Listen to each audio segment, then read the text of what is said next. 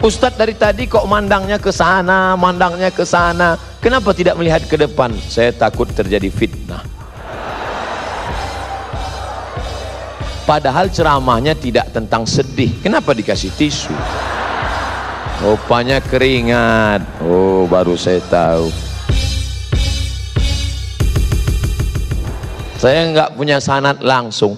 Alhamdulillah dipertemukan Allah, bisa berjumpa, bisa bertatap muka. Selama ini hanya melihat beliau saja, hanya mendengarkan tausiahnya.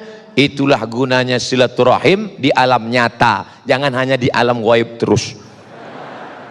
Ternyata Imam Bukhari berguru kepada Imam Ahmad bin Hambal Hambali, berguru kepada Muhammad bin Idris Asy-Syafi'i, berguru kepada Malik bin Anas Maliki. Mereka punya silsilah ke atas. Oh, bulan.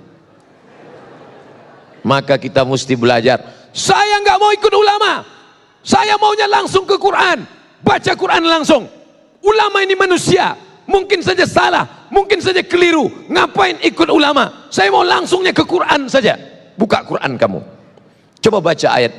Fi qulubihim maradun. Apa artinya? Sebentar ya Ustaz, saya lihat terjemah dulu. Yang nerjemah itu siapa? Ulama, Kementerian Agama, Depak, Departemen Agama, disusun oleh para ulama. Tapi katanya nggak mau ikut ulama, eh, kecuali yang ini. Kita semua ngikut ulama, betul? Yang nggak boleh itu hanya mazhab syafi'i saja yang benar. Lain daripada ini salah, masuk neraka jahanam. Surga itu isinya saya, istri saya, mertua saya, guru saya. Lawang surga itu luas sekali.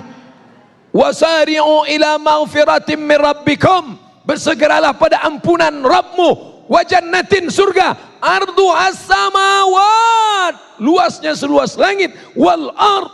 Seluas bumi. Langit tak terbatas. Bumi tujuh lapis ke bawah. Lebih luas lagi surga. Surga luas sekali. Ngapain kamu kapling? Yang penting passwordnya sama. Ashadu an la ilaha illallah wa ashadu anna muhammadan rasulullah. Saya satu majlis dengan Habib Syekh majlis solawatan. Habib Syekh solawat saya tausiah. Habis itu Habib Syekh di sela-sela solawat beliau tausiah pendek. Saya ingat ucapan Habib Syekh apa kata beliau? Sing Muhammadiyah melebu nang surga Sing NU melebu kabeh Akhirnya orang NU masuk ke dalam surga. Ini masih kata Habib Syekh. Dia kaget. Dia lihat, loh ternyata orang Muhammadiyah ada. Masuk surga juga. Sama.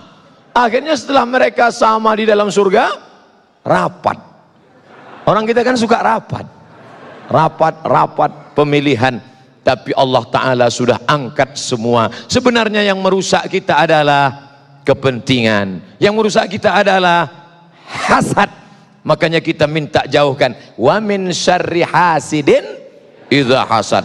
Ada Persis Persatuan Islam. Ada Al-Wasliyah di Sumatera Utara.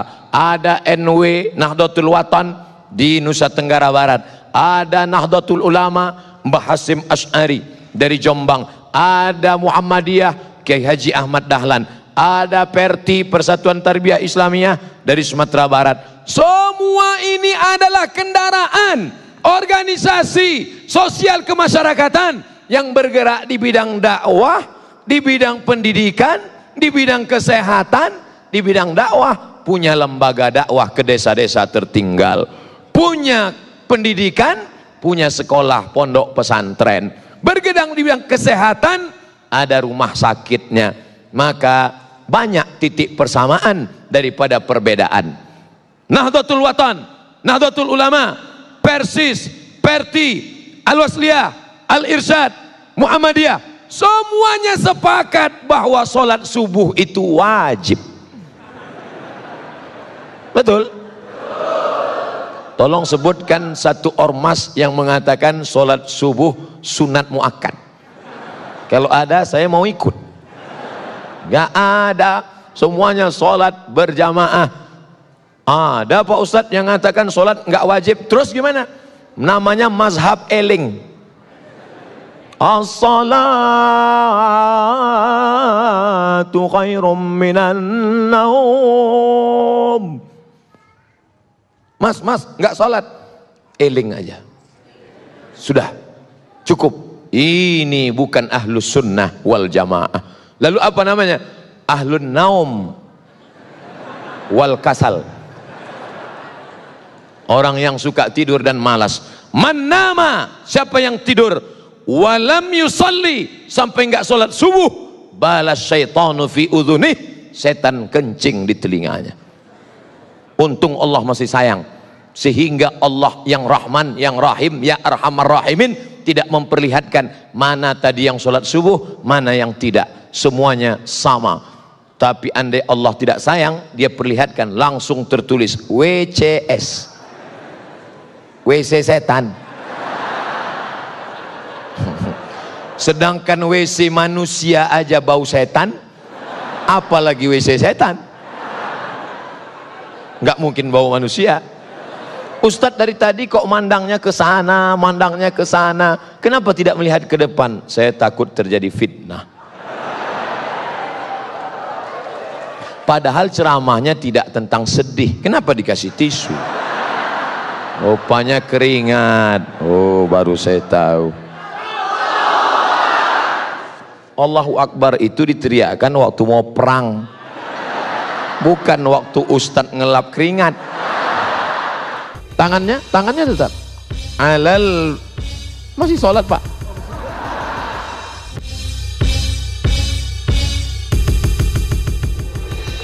Apakah sholat kita diterima jika gerakannya tak sesuai aturan?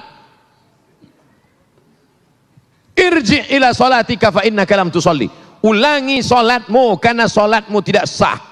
Dia ulang sholatnya. Nabi nyuruh ulang. Irji ila sholatika fa inna kalam tusalli. Ulangi sholatmu, sholatmu enggak sah. Dia ulang sholatnya. Irji ila sholatika fa inna kalam tusalli. Ulangi sholatmu karena sholatmu tidak. Tiga kali disuruh ulang. Kenapa? Karena tidak ada tumak nina. Kalau engkau rukuk hatta tatma'inna raki'an. Subhana rabbiyal azim wa bihamdi subhana rabbiyal azim wa bihamdi subhana rabbiyal azim wa bihamdi. Kalau engkau i'tidal sampai tumak nina. Rabbana lakal hamdu mil'us samawati mil'u ardi mil'u ma syi'ta min syai'in ba'du. Kalau engkau duduk antara dua sujud, sampai tumak nina Rabbi firli warhamni wajburni warfa'ni warzuqni wahdini wa'afini wa'afu anni. Nah, jangan sholat seperti bambu ditiup angin.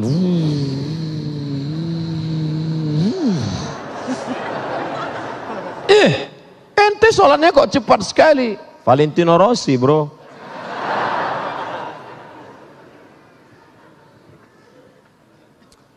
tidak sesuai aturan karena sopnya sempit. Sempit sopnya. Gimana sopnya sempit? Darurat tubihul mahzurat di masjidil haram. Masjid nabawi ma baina baiti wa mimbari antara mimbarku dan rumahku raudhatun min riyadil jannah taman surga. Karpetnya warna hijau yang lain merah merah saya hijau. Taman Raudhah. Sampai di situ sempit. Mau ruku aja setengah. Allah. Di depan orang Afrika. Oleh sebab itu maka saat itu darurat. Tapi di masjid Az-Zikra. Masjid Az-Zikra pun sempit juga. Masya Allah. Apa tiap malam begini? Amin ya Rabbal. Nah, oleh sebab itu maka kalau dalam keadaan sempit, termaafkan. Darurat, Masjid Haram, Masjid Nabawi, di Hijir Ismail. Tapi dalam keadaan lapang, mestilah sempurna. Kadang masjidnya lapang, tapi dianya yang sempit. Karena tidak bisa tegak berdiri, sakit, duduk di kursi. Maka itu pun la yukallifullahu nafsan illa wus'aha. Duduk di kursi. Allahu Akbar. Ada kursi? Tak ada.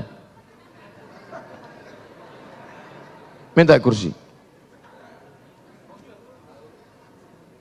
Mana tahu bapak ibu sakit pinggang. Lalu kemudian dia malu sholat. Datang ke masjid. Sholat. Duduk di atas kursi. Walaupun engkau tidak bisa rukuk sujud. Kalau di Mesir disediakan kursi-kursi di belakang. Karena kalau kau sakit di rumah. Ah, Jangan langsung duduk dari awal. Berdiri dulu. Allahu Akbar. Berdiri. Bismillahirrahmanirrahim. Alhamdulillahi rabbil alamin. Sampai habis ayat. Inna a'tainakal kautsar fasalli li rabbika wanhar. Inna syani'aka huwal abtar. Rukuk tak bisa, langsung duduk. Allahu Akbar. Ah, baru rukuk. Allahu Akbar. Sami Allahu liman hamidah. Rabbana lakal. Sujud. Allahu Akbar. Lebih rendah dari ruku. Kalau ruku tadi sedikit, kalau sujud agak sedikit lagi. Tangannya, tangannya tetap. Alal masih sholat pak. Terima kasih.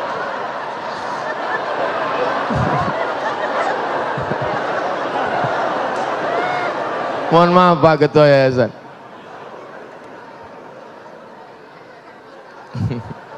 Sholat kok ngomong.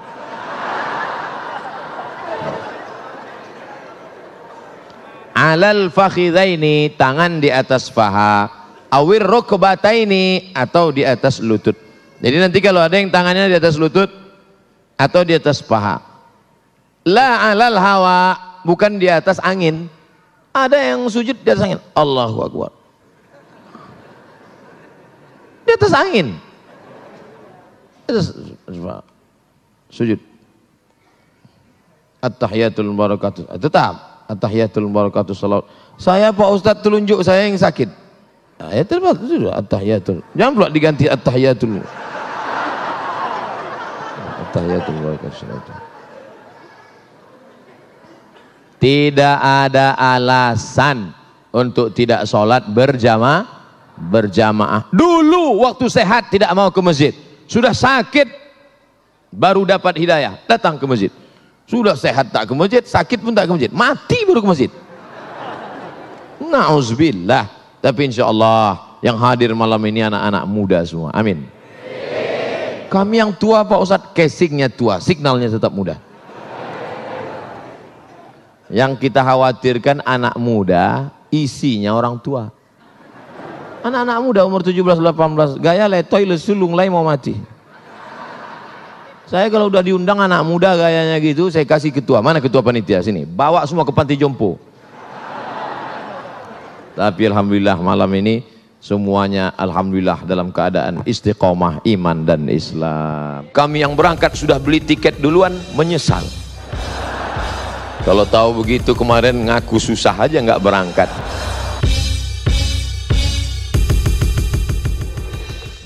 bersatu. Kitalah yang paling mungkin untuk bersatu. Kenapa demikian? Pertama, Tuhannya berapa? Qul huwallahu ahad. Tentu kelanjutan itu hafal semua. Allahu samad. Qul huwallahu ahad. Allah Esa, tunggal, tidak berbilang. Labbaik Allahumma labbaik, labbaika La syarika laka labbaik. Tidak ada sekutu bagimu. Allah saja. Tidak ada yang lain. Allahnya satu. Kiblatnya. Berapa kiblatnya? Satu. Fawalli wajahaka syataral masjidil haram. Bahasa yang dipakai dalam solat berapa? Satu. Ada orang solat pakai bahasa selain Arab. Tidak ada. Kalau ada, berarti dia sudah masuk penistaan agama tidak boleh lalu kemudian kiblat satu Allah satu Sayyidul Anbiya wal Mursalin Nabi Muhammad sallallahu alaihi wasallam la nabiyya ba'dah tidak ada lagi nabi sesudah itu eh ada nabi susulan hmm. Nabi KW satu gak bisa tapi cerdasnya bapak-bapak kepolisian yang ngaku nabi ditangkap, Yang ngaku Jibril pun ditangkap. Dikonfrontir. Eh, kamu ngaku Jibril? Iya. Kamu ngaku Nabi? Iya. Nabi dapat wahyu dari siapa? Dari Jibril. Jibril pernah ngasih wahyu ke Nabi? Enggak. Nabi pernah dapat wahyu dari Jibril? Enggak. Tangkap. Oleh sebab itu maka amat sangat mungkin kita bersatu. Jerman pakai bahasa Jerman, Prancis pakai bahasa Prancis, Portugis pakai bahasa Portugal. Mereka dengan berbagai macam bahasa, dengan berbagai macam agama, tapi bisa mewujudkan satu mata uang. Itulah dia euro. Euro Pak Ustadz, terserah. Yang penting satu mata uang maka kita amat sangat bisa bersatu seperti yang dipakai pada zaman Nabi Muhammad sallallahu alaihi wasallam. Dinar dan dirham. Uang emas dinar. Uang dirham perak. Sehingga kita tidak lagi pusing memikirkan apa yang disebut dengan mata uang jatuh mata uang. Ketika kami mendapat beasiswa ke Al-Azhar Mesir tahun 1998 bersyukur Alhamdulillah dapat beasiswa. Tapi di saat itu melambung satu dolar yang awalnya 2.500 menjadi 17.000. Melambung. Beberapa teman tidak berangkat. Tapi Al-Azhar Mesir Masya Allah yang tidak berangkat langsung dikirim tiket. Kami yang berangkat sudah beli tiket duluan menyesal. Kalau tahu begitu kemarin ngaku susah aja nggak berangkat tapi ternyata begitulah keadilan Allah subhanahu wa ta'ala. Cerita masalah bersatu kita amat sangat mungkin bersatu. Tapi kenapa pada kenyataannya? Jangankan menyatukan mata uang jangankan menyatukan kesepakatan tapi menyatukan solat subuh pun payah. Masih ada orang yang tidak mau solat subuh di masjid ini. Kenapa? karena tidak pakai kunut saya enggak mau sholat di masjid Pak Ustadz. Kenapa? karena berkunut. Padahal antara berkunut dengan tidak berkunut dua-duanya sah. Yang jadi masalah yang enggak sholat subuh. Berdebat masalah kunut dengan tidak kunut sampai jam 2 malam. Habis suara tegang urat leher.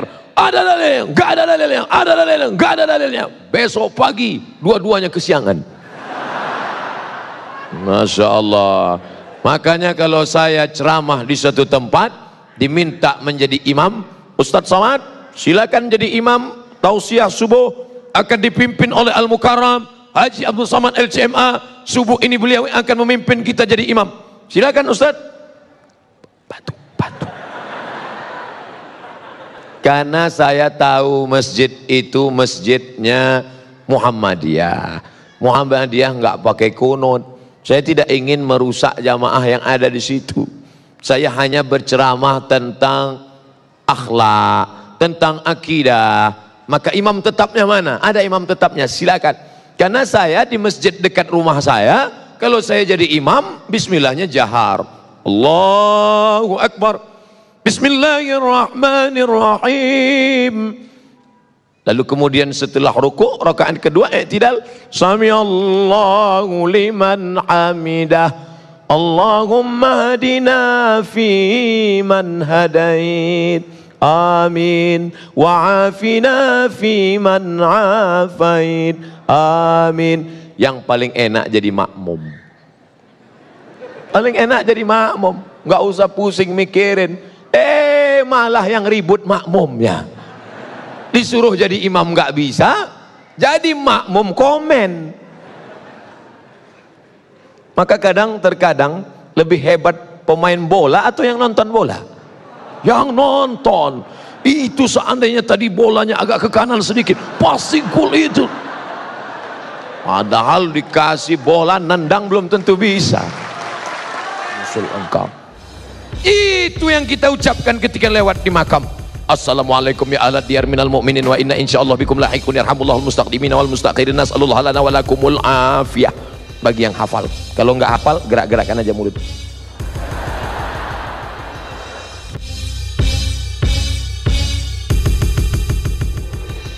mati tidak bisa kita minta Mati bukan request. Idza jaa ajaluhum. Kalau ajal sampai, la yastakhiruna sa'atan, tidak dapat ditunda walaupun sesaat. Wala yastaqdimun. Setelah mati itulah baru kita akan merasakan kebahagiaan yang hakiki. Ini dunia hanya tempat persinggahan semata. Ini hanya tempat mampir sejenak, mengantuk membawa kendaraan, mau pulang kampung, lalu kemudian mampir isi bensin, ada pijat gratis, lalu kemudian ya menggerak-gerakkan tubuh, istirahat, setelah itu lanjutkan perjalanan. Begitulah perjalanan. Makanya kalau bapak meninggal duluan, saya nggak boleh sedih. Kenapa? Karena hanya beda nomor kloter saja. Saya yakin dan percaya kalau Abdul Somad meninggal, orang di Bandung sedih, tapi mereka semuanya melepas Ustadz Somad duluan, kami akan menyusul engkau. Itu yang kita ucapkan ketika lewat di makam. Assalamualaikum ya ala diyar minal mu'minin wa inna insyaallah bikum lahiqun yarhamullahul mustaqdimin wal mustakhirin nas'alullah lana wa lakumul afiyah. Bagi yang hafal. Kalau enggak hafal, gerak-gerakkan aja mulut. Assalamualaikum ya ala diyar minal mu'minin. Keselamatan untuk kalian. Wahai orang beriman. Wa inna insyaallahu bikum lahiqun. Kami akan menyusul kamu. Nas'alullah lana walakumul afiyah. Kami akan senantiasa berdoa kepada Allah supaya kami dan kamu sama-sama mendapatkan kebaikan. Itu doa kita untuk saudara kita yang sudah lama meninggal dunia, tidak sesuku dengan kita, tidak satu ormas dengan kita dan kita tidak pernah mengkapling-kapling doa karena Nabi tidak mengajarkan itu. Ada orang Arab Badui doa. Allahumma rahamni wa Muhammadan wa la tarham ma'ana ahadan. Ya Allah rahmati aku dan Muhammad, yang lain jangan. Ente nggak boleh doa begitu. Makanya kita selalu pakai inna. Allahumma inna nas'aluka salamatan.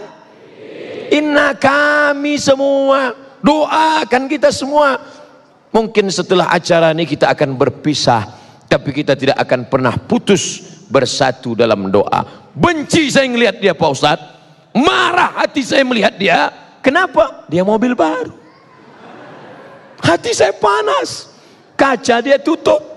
Setiap ketemu papasan, nenteng. Doakan dia di tengah malam. Tapi yang ini ngejek saya Pak Ustadz. Pagi, petang, siang, malam menteror saya. Maafkan dia. Jadi saya nggak boleh balas. Nggak boleh. Dilemparnya saya pakai batu, lempar dia pakai bunga. Sudah dua kali, beri dia dua tangkai. Yang ketiga, yakinkan potnya ikut sekalian. Jangan.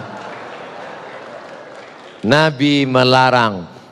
Lui ucapkan bolak-balik orang-orang Yahudi. Assalamualaikum. Orang Islam kalau ketemu Nabi, Salamu alaik azkal azkiya Assalamu alaik azkal azkiya. Tapi orang ini kalau ketemu Nabi apa kata dia? Assalamu alaika. Kita mengucapkan salam pada Nabi. Assalamu alaika ayuhan nabiyyu wa rahmatullah wa barakatuh. Assalamu alaika. Peace be upon you. Peace damai. Pipis buang air kecil upon you. Assalamualaikum keselamatan untukmu. Tapi orang Yahudi berkata apa kata mereka? Assalamualaikum matilah kau. Assalamualaikum matilah engkau. Datang sayyidatuna ummul mukminin Aisyah radhiyallahu anha. Apa kata Aisyah? Dibalas waalaikumsalam walana matilah kamu dan kamu dilaknat Allah. Apakah Nabi mengatakan terus tambah tambah tambah? Tidak apa kata Nabi? Mahlan ya Aisyah. Sabar, sabar, sabar hai Aisyah. Innallaha yuhibbur rifqa fil amri kullih. Allah suka melihat kita bersikap lembut dalam segala perkara. Dia sudah caci makimu ya Rasulullah. Kenapa engkau enggak balas? Aku sudah balas. Aku tidak dengar. Aku sudah balas. Apa balasannya? Wa alaika. Wa alaikum. Apa arti wa alaikum? Kamu juga. You too podo sami mawon sama Nabi tidak mau mengeluarkan kata-kata yang tidak benar, yang batil.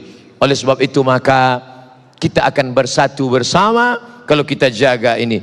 Imam Syafi'i solat subuh pakai kunut sampai ninggal. Buka kitab Al-Um, Um induk kitab. Dalam kitab Al-Um dikatakan, siapa yang solat subuh nggak pakai kunut, lupa maka dia sujud sahwi. Itu mazhab Imam Syafi'i. Tapi Imam Hambali, Ahmad bin Hambal nggak pakai kunut. Karena dia meyakini hadis yang nggak pakai kunut. Beda. Dua orang yang berbeda. Satu di Baghdad Irak, satu di Mesir. Satu pakai kunut, satu enggak tapi ketika dalam doa apa doa Imam Ahmad bin Hambal disebutkan dalam kitab Manaqib Imam Asy-Syafi'i da'autu li Syafi'i fi salati. Aku doakan Syafi'i dalam salatku arba'ina sanah 40 tahun aku mendoakan Syafi'i dalam salatku kata Imam Ahmad bin Hambal apa doanya? Rabbil firli wali walidayya wali Muhammad bin Idris Asy-Syafi'i. Ditulis oleh Imam Al-Baihaqi dalam kitab Manaqib Al-Imam Asy-Syafi'i. Ya Allah ampunkan aku ampunkan kedua orang tuaku ampunkan sahabatku Muhammad bin Idris Asy-Syafi'i. Mudah-mudahan kita walaupun berbeda ormas walaupun berbeda tata cara solat subuh dalam beberapa hal kecil tidak membuat kita lupa saling mendoakan maukah Bapak Ibu mendoakan saya Semuanya berkata mau. Andai pun tidak, anggukkan saja kepala. Menyenangkan hati orang beriman itu berpahala. Senyum saja. Tabassumika fi wajhi akhika sodakoh. Kita akan bersama, kita akan bersatu. Yang menyatukan kita apa? Saat lahirnya diazankan. Asyhadu an la ilaha illallah. Saat meninggalnya. Laqinu mautakum. Talqinkan. Orang yang akan sakratul maut ke telinga sebelah kanan. La ilaha illallah. Kalau anaknya dididik agama. Tapi kalau tidak, sabar ya Pak, dokter spesialis datang. Emang dokter bisa menunda ajal. Saya kalau sakit tetap ke rumah sakit. Anak saya lahir di rumah sakit. Tapi masalah rukun iman. Boleh jadi yang mengatakan sakit lebih dulu mati daripada kita maka kita tetap berikhtiar berusaha, tetap bersahabat dengan bapak dan ibu dokter, tetap makan obat, tapi keyakinan kepada Allah. La ilaha illallah. Itu yang kita ucapkan. La ilaha illallah. La ilaha illallah. La ilaha illallah.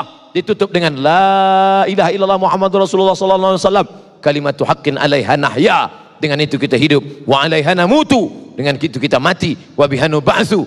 Dengan itu kita nanti akan dibangkitkan di padang mahsyar. Idza sama'um fatarat, langit terbelah.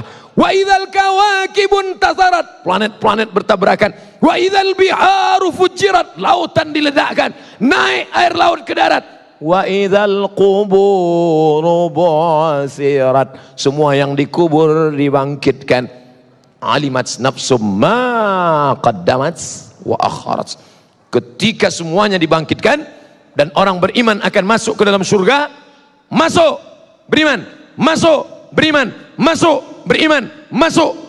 Dan orang beriman bertanya, Ya Allah, jamaah Al-Fat yang dulu sama-sama dengan kami waktu acara TV One itu mana? Kok mereka nggak ada di sini?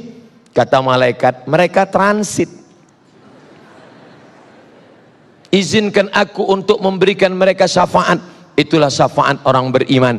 Dia tidak mau masuk surga sendirian. Akhirnya diberikan Allah protek, diberikan Allah dia tidak kena api neraka. Dia cari sahabatnya itu yang satu jamaah dengan dia, walaupun imannya sebesar biji sawi, diselamatkannya. Ada syafaat Quran, ada syafaat Nabi Muhammad, ada syafaat malaikat, ada syafaat orang beriman. Maka mudah-mudahan kita bisa saling memberikan syafaat nanti di akhir akhirat.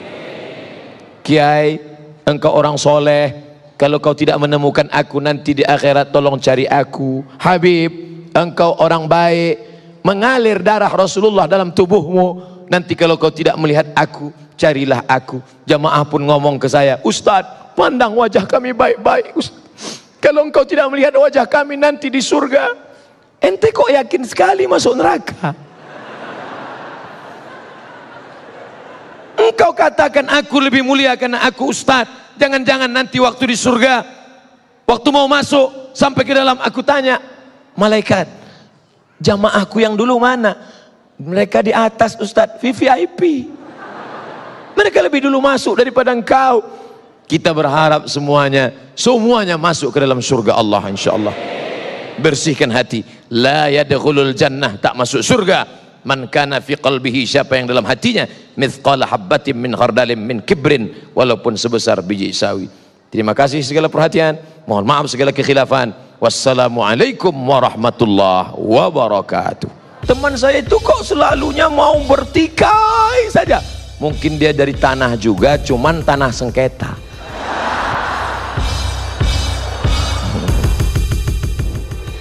Takbir tadi mengusir setan karena ketika takbir dikumandangkan setan lari. Allahu Akbar, Allahu Akbar. Oh! Anjing melolong. Kenapa anjing melolong? Melihat setan lari. Walai aduraton. Setan lari sampai terkentut-kentut.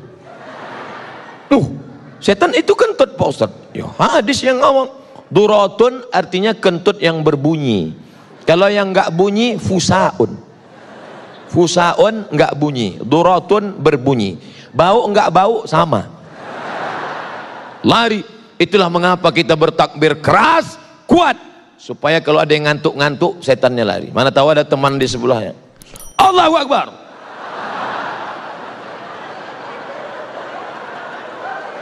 Allahu Akbar lari setan mana ada ustadz baca ruqyah pelan-pelan?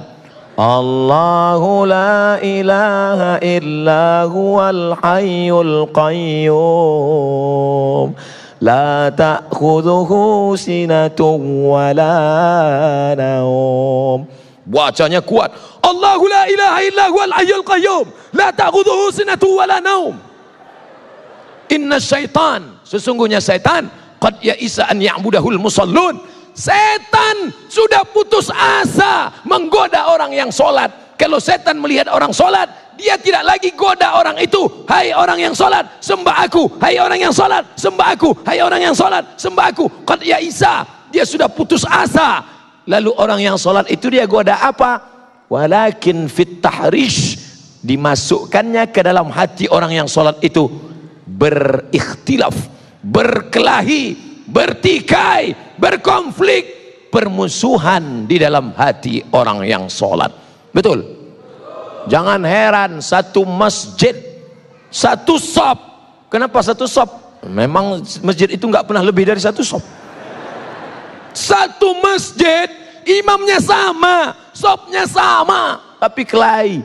Orang kalau mau masuk masjid itu langsung sholat sebelah kanan penuh, sebelah kiri, kiri kanan penuh, sop belakang. Eh, ini orang kalau masuk masjid ngelihat dulu. Si Anu sebelah mana ya? Dia sebelah kanan. Ah, saya sebelah kiri. Dia kiri, saya di kanan. Akhirnya sampai suatu hari lupa masbuk. Mau cepat-cepat. Allahu Akbar. Rupanya dia di sebelah. Yang kamu pertahankan itu ego sombong kamu. Apa yang membuat kamu berkelahi? Makanya jelas dikatakan la yadkhulul jannah tidak masuk surga. Siapa itu? Qati'ur rahim. Orang yang memutus tali silaturahim. Semua yang hadir ini datang niatnya dua. Satu, silaturahim. Dua, ukhuwah Islamiyah. Saya dengan bapak nggak ada hubungan silaturahim karena yang namanya silaturahim, kakek saya satu, kakek punya anak dua, anaknya punya anak lagi, antara cucu dengan cucu itu satu rahim karena nenek mereka dulu satu. Tapi antara saya dengan bapak ibu di Bandung beda. Saya orang Melayu dari Sumatera, bapak ibu orang Sunda. Kumaha atuh dama? Jangan panjang-panjang, saya ngerti itu aja. Kita nggak ada hubungan. Tapi kalau diurut urut urut urut urut urut urut ke atas, ternyata kita masih satu rahim, yaitu rahim Hawa, istrinya Adam alaihissalam. Keturunan Adam kan? Sama. Ada yang sekarang ngaku nggak keturunan Adam, kata dia keturunan monyet. Makanya nggak mau silaturahim. Semuanya kita ini dari Adam. Kullukum min Adam. Semua dari Adam wa Adam min turab. Adam dari tanah. Maka lihat asal kejadianmu. Kau tidak akan sombong. Kau akan bersatu untuk selamanya. Adapun perbedaan-perbedaan. Ustaz, Ustaz, Ustaz. Jadi kita dari tanah. Iya. Teman saya itu kok selalunya mau bertikai saja. Mungkin dia dari tanah juga, cuman tanah sengketa. Apa yang dimuliakan Allah Subhanahu wa taala. Apa pun alirannya, apa pun ormasnya, apa pun partainya, asyhadu an la ilaha illallah wa asyhadu anna Muhammadan Rasulullah. Lalu bagaimana dengan kami? Mungkin kau bukan saudaraku dalam satu keyakinan, mungkin kau bukan saudaraku dalam satu akidah, tapi kau adalah saudaraku dalam satu kebangsaan. Negara Kesatuan Republik Indonesia. Dulu saya nggak pernah ngomong ini. Kenapa? Karena yang saya pahami kalau saya ceramah itu yang dengar orang Islam semua. Tapi ternyata ada saudara kita yang mendengar melalui internet. Dia tersinggung loh kami kok nggak disebut. Ya salah sendiri kenapa nggak masuk ke masjid? Surga luas sekali ngapain kamu kapling?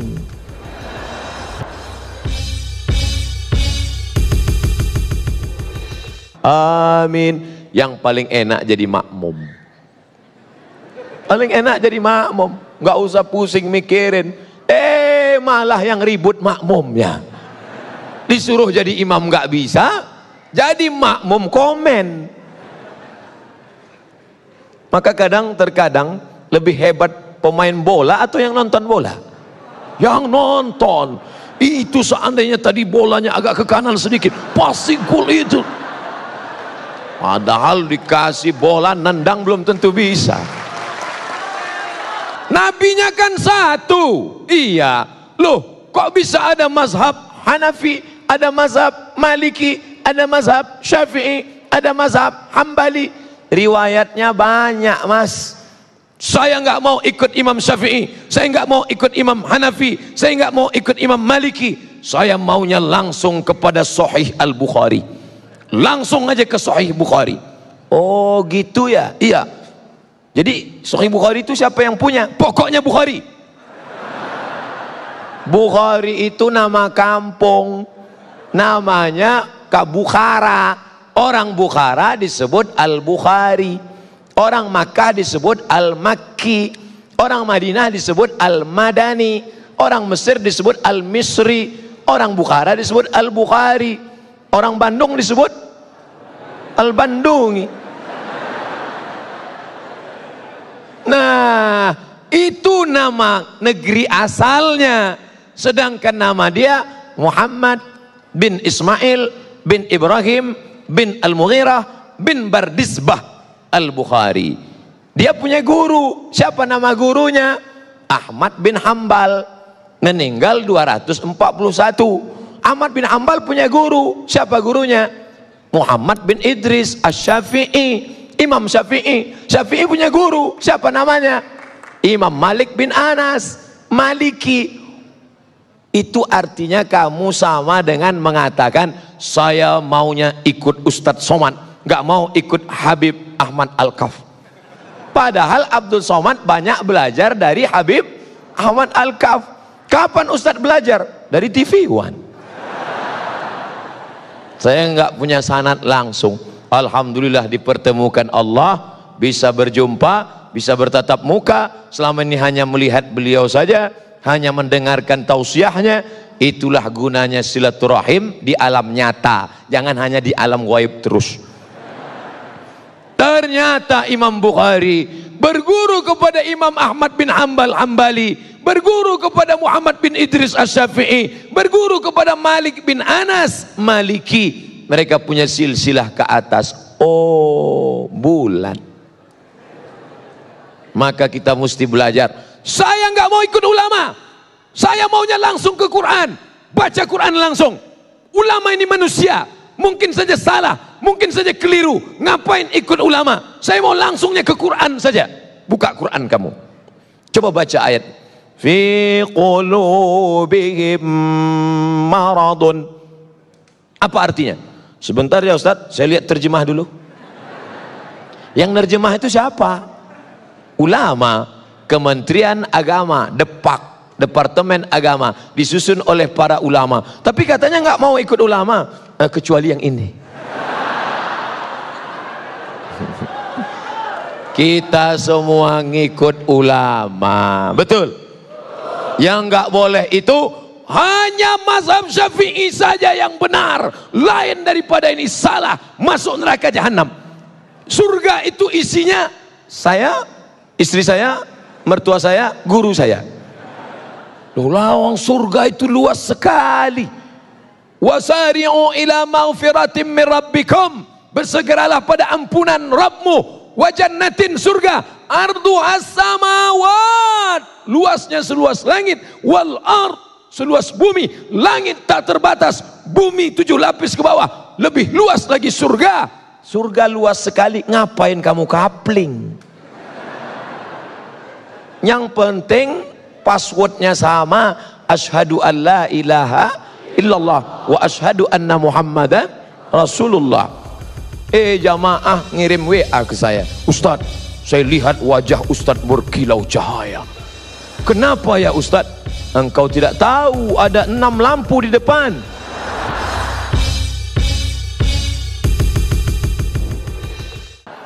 Kebahagiaan orang diukur dengan latar belakangnya.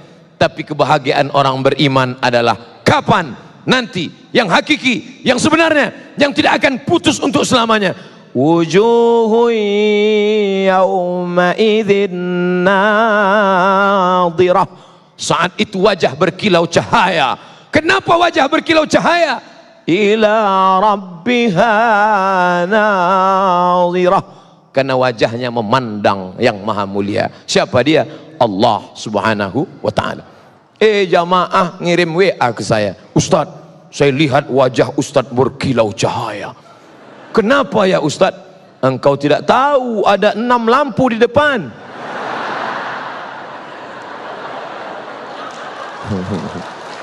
Bapak Ibu yang dimuliakan Allah, para pemirsa TV One di mana pun berada, maka kita akan bersatu untuk selamanya.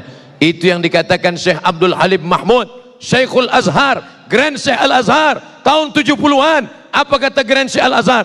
Ketika dia dalam perjalanan dari Mesir menuju India di dalam pesawat terbang dia sempat menulis. Itulah hebatnya ulama. Di pesawat dia nulis sampai di India keluar satu buku judul bukunya Alhamdulillah hadhihi hayati. Alhamdulillah hadhihi hayati. Hebatnya ulama dalam pesawat nulis buku. Ustadz Somad pernah nulis buku dalam pesawat? Enggak. Kenapa? Asal sampai pesawat Ladies and gentlemen, all of our passenger. Syekh Abdul Halim Mahmud menulis cerita tentang autobiografi kehidupan lalu sampai dia pada kesimpulan. Apa kata Syekh Abdul Halim Mahmud? Dalam perjalanan sejarah Islam ada tiga aliran. Yang pertama nasiyun kalangan tekstualis. Yang kedua akliyun kalangan rasionalis. Yang ketiga irfaniyun kalangan yang mengandalkan ilham, intuisi, rasa, zauk, nasyun, tekstualis, akliun, rasionalis, irfaniun yang mengandalkan intuisi, rasa, zauk, ilham. Ketiga-tiga ini akan bersatu. Di mana mereka bersatu? Wa ma umiru illa liya'budullah mukhlisin lahuddin.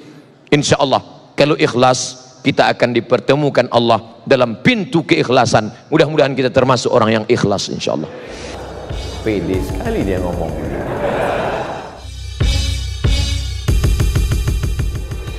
Siapa yang membantu pondok tahfiz Quran? Siapa yang membuka pendidikan Al-Quran? Siapa yang menolong anak yatim untuk sekolah bantu Quran? Itu yang akan menolong di hadapan Allah. Makanan yang kau makan akan busuk, pakaian yang kau pakai akan lapuk, yang kau sedekahkan itu yang akan menolong di hadapan Allah. Andai ada yang bertanya, berapa anak tahfiz Quran yang Ustadz tolong? Jangan tanya-tanya. Ternyata Bapak sudah buat duluan. Ini pondok tahfiznya, pembiayaannya dari mana? Allah yang memberikan. Makin kuat keyakinan saya. Lama-lama saya bingung. Saya datang kemari ini ceramah atau belajar? Ternyata ada ilmu yang ditulis di atas kertas, tapi ada ilmu yang datang dari Allah langsung real nyata. Intan surullah kalau kau tolong agama Allah yang surkum Allah akan menolong kamu. Ayat itu dari kecil saya sudah hafal. Ayat itu saya pelajari di Al-Azhar Mesir. Tapi kalau ditanya mana buktinya nyata? Itu Allah menolong Nabi Muhammad. Apa kata? Itu kan Nabi. Mana real yang nyata sekarang?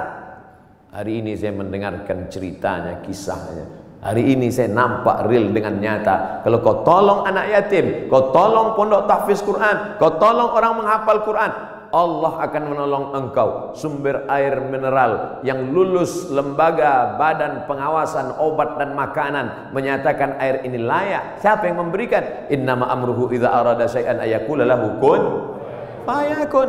Ternyata tolonglah agama Allah ini. Jangan pernah takut dan jangan pernah cemas Kadang-kadang kalau terlalu banyak orang menakut-nakuti kita, kita jadi takut juga.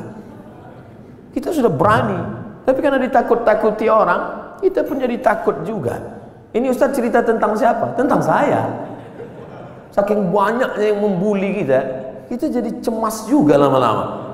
Tapi rupanya semakin banyak cerita kita dengar tentang turunnya pertolongan Allah. Ala inna nasrallahi qarib. Yakinlah pertolongan Allah itu dekat. Jangan pernah takut dengan akhir masa pensiun nanti saya akan makan apa nanti saya berapa banyak orang berpikir nanti pensiun makan apa malaikat maut datang malah sebelum pensiun. Malaikat maut tidak pernah datang melihat akte kelahiran. Berapa banyak orang sehat mati mendadak yang diponis mati nggak mati-mati. Saya berapa kali ceramah, ketemu ceramah dalam pengurus masjid Ustaz Somad. Nanti habis ceramah kita makan ya. Oke. okay. Bedanya kalau di masjid lain setelah ceramah baru makan. Di kantor keuangan TNI sebelum ceramah udah makan duluan. Tabarakallah. Ketika selesai makan kata Pak Ketua Dewan Kemakmuran Masjid Ustaz Somad, saya ini sudah diponis kata dokter kena jantung koroner harus dibelah urat kaki naik ke atas. Terus saya takut Pak Ustaz ngelihat ayam potong dibelah. Jadi ya saya nggak dioperasi. Katanya berapa lagi umur bapak? Dua bulan Pak Ustaz. Terus udah dua tahun nggak mati-mati. Bukan saya ngatakan bapak ibu nggak usah cek. Saya tetap medical check up, tetap ke rumah sakit, tetap tanya dokter. Termasuk kurusnya saya ini pun saya sudah konsultasikan ke dokter. Apakah saya ini sakit Pak Dokter? Kata dokter di Batam, Ustadz Somad, Ustadz kalau mau lebih berwibawa tambah beratnya dikit. Gimana Pak Dokter? Minum susu kental manis tiga kali sehari. Pagi segelas, siang segelas, malam segelas. Sebulan akan naik sekian kilo. Oke Pak. Sebulan saya minum, timbang, tetap. Saya tanya, Pak Dokter, sudah saya minum kok nggak nambah? Kata dia, Ustadz terima aja, berarti sudah takdir Allah SWT. Yang penting saya sehat. Ini saya ceritakan supaya Bapak Ibu tidak terlalu memaksakan diet ingin seperti saya. Bapak gemuk yang penting sehat. Ibu bapak yang penting sehat beribadah. Apa pun judulnya, hidup ini adalah ibadah. Karena tujuan Allah menciptakan kita, wa ma khalaqtul jinna wal insa illa liya'budun ibadah. Cuman kekeliruan kita memahami ibadah terlalu sempit. Salat zakat, puasa, haji, baca Quran. Cuman itu ibadah. Padahal di kantor dari jam 8 pagi sampai jam 4 sore adalah ibadah. Kalau dipahami ini ngurus keuangan negara TNI ini adalah ibadah ringan dan kita tidak akan mungkin curang. Sebagaimana kita jujur dalam sholat, sebagaimana kita jujur saat di Masjidil Haram, begitulah kita jujur di kantor kita karena pekerjaan kita adalah ibadah. Tapi jangan dibalik. Nanti pas azan zuhur, Allahu Akbar, Allahu Akbar. Tetap buat laporan. Loh, ente nggak ke masjid amanah? Ibadah. Nah, ini harus diluruskan juga. Ada ibadah mahdah yang pure original memang ibadah, ada rukunnya, ada syaratnya, ada wajibnya, ada sunatnya, memang ibadah. Salat, puasa, itu ibadah. Tapi ada aktivitas sehari-hari bernilai ibadah. Ustaz, Allah itu nggak adil loh Pak Ustaz. Loh, kamu bilang Allah nggak adil bisa kafir, bisa murtad. Masa laki-laki enak bisa puasa sunat, laki-laki bisa zikir, laki-laki bisa baca Quran. Kami Pak Ustadz 9 bulan 10 hari nggak bisa ibadah. Ibu, hamil itu pun ibadah. Hamil itu ibadah karena akan melahirkan anak-anak yang so yang soleh. Sejak itu alhamdulillah ibu-ibu sudah punya jawaban. Kalau ada atasannya nanya, kamu ini sebentar-bentar cuti hamil, sebentar cuti hamil, apa ini? Ibadah. Assalamualaikum warahmatullahi wabarakatuh Hai sahabat religiwan semuanya Semoga usia bertambah Istiqomah juga semakin bertambah Amal bertambah Maka bertambah pula kesiapan kita Untuk tetap menebar kebaikan Assalamualaikum warahmatullahi wabarakatuh